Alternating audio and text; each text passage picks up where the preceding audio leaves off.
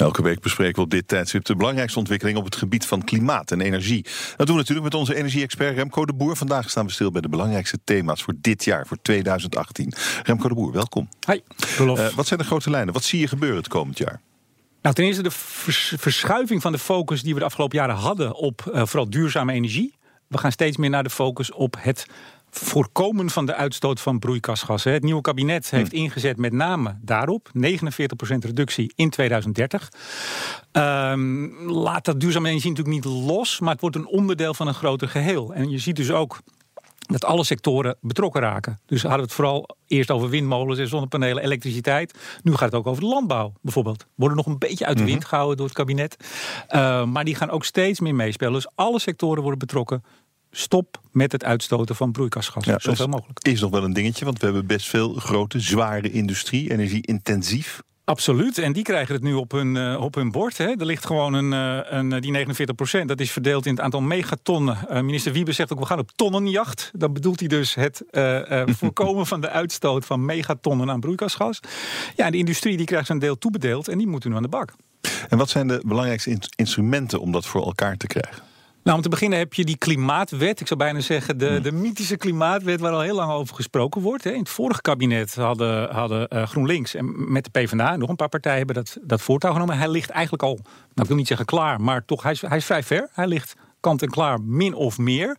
Nou, Wiebes heeft gezegd, het kabinet heeft gezegd, nou, daar gaan we naar kijken. Hij heeft ook Jesse Klaver uitgenodigd al hmm. vrij snel van, nou, kom erover praten.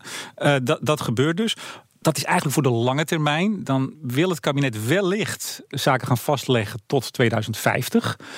Daar is natuurlijk wel een dingetje, hè, want daarmee geef je als politiek geef je natuurlijk ook heel veel uit handen. Je legt al heel veel vast. Dus wat er nou precies in die klimaatwet komt, dat is nog zeer de vraag. Dat kan heel mild, het kan heel streng, maar het belangrijkste eigenlijk aan instrumenten is toch dat grote klimaat- en energieakkoord, wat in 2018 gesloten moet gaan worden. Ook nog moet, gesloten moet worden. Waar zal de, de, waar zal de, de, de grote strijd over gaan? Nou, ik, ik, denk dat er een paar terreinen zijn. Ten eerste zal het over uh, geld gaan. Heel plat. Uh, je ziet het nu al dat de, de, de lobby voor meer duurzame energie, de windmolen en de zonne, de zonne, dames en heren, die zeggen van ja, maar al het geld wat straks gaat naar het opslaan van CO2 in de bodem, daar hebben we het nu over. Hè. Dat wordt een van de belangrijke ankers ook om maar zoveel mogelijk die broeikasgasuitstoot te stoppen. Ja, iedere euro die daar naartoe gaat, zeggen zij van, dat zou je in duurzame energie moeten stoppen. Dus daar komt echt strijd. Maar dat is echt een geloofsstrijd. Bijna wel, ja. Bijna wel. Kijk, het IPCC en vrijwel iedereen die er iets van weet, die zegt, ja, we hebben dat gewoon nodig. Uh, het moet natuurlijk niet zo zijn dat het een vrijbrief is om maar te blijven uitstoten en maar te blijven uh, steenkool en gas en, en alles te verbranden. Hè. Dat is de andere kant. Maar het wordt natuurlijk ook meteen alweer heel erg zwart-wit uh, gepolariseerd. Het is helemaal slecht, het is heel goed. Ja, het zal een tussenweg zijn. Het is, je hebt het gewoon nodig voor het laatste beetje, bijvoorbeeld om die industrie die je net noemt mm. te helpen. Nou, dat is één. Uh, tweede is, het zal ook gaan over wie gaat nou de rekening betalen. Weer over geld dus. Hè. Het gaat natuurlijk zo vaak over geld. Uh, je ziet GroenLinks, die maakt zich heel erg sterk van... het is nu een beetje 50-50, industrie, bedrijven en burgers, de huishoudens. Die zouden graag een andere verdeling zien. Daar kun je je iets bij voorstellen. Maar goed, uiteindelijk zijn hmm. wij ook de industrie. Hè? Wij betalen uiteindelijk ook die rekening.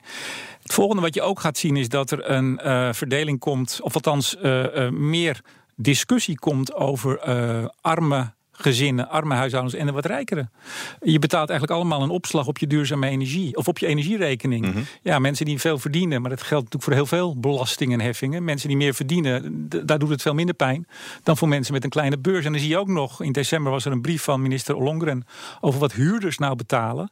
Ja, die zitten vaak, relatief vaak in oudere huizen, enkel glas soms, kleine beurs. Hebben dus ook niet de mogelijkheid om dat te isoleren, maar betalen wel vol de stookrekening iedere maand. Nou, dus dat wordt een, een thema. En het laatste wat ik denk ik kan noemen is het draagvlak wat we moeten organiseren voor die transitie. Dat wordt echt wel een grote strijd. En dat hangt natuurlijk ook weer samen met eh, wie wat betaalt en hoeveel. Precies, wie wat betaalt. En je hoort, je hoort heel vaak, dat hoorde je zeker het afgelopen jaar... we moeten het depolitiseren, hè? ook het klimaatakkoord Parijs. We moeten het loshalen van de politiek. We moeten alle schouders eronder. Maar je gaat juist zien dat het veel politieker wordt.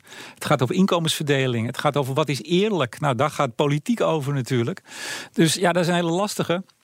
Je ziet tegelijk ook dat, uh, dat uh, de industrie, uh, die gaat nu de pijn voelen. Die ze hebben ook gezegd tegen Wiebes, tegen minister Wiebes... Ja, wij willen één op één afspraken gaan maken. Het gaat nu echt pijn doen. Wij willen gewoon zeker weten, als we afspraak maken met de overheid... dat dat hem wordt.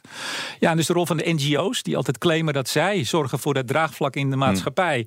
Ja, hun rol wordt anders. Ehm, eh, die krijgen een minder prominente plek, is de verwachting. Ja, maar wie organiseert dat draagvlak dan? Nou, dan kom je weer bij de gemeentes, de provincies, de decentrale overheden. Die willen meer te zeggen hebben. Krijgen ze ook, heeft het kabinet gezegd. En die krijgen dus een enorme taak om dat draagvlak onder hun burgers te organiseren.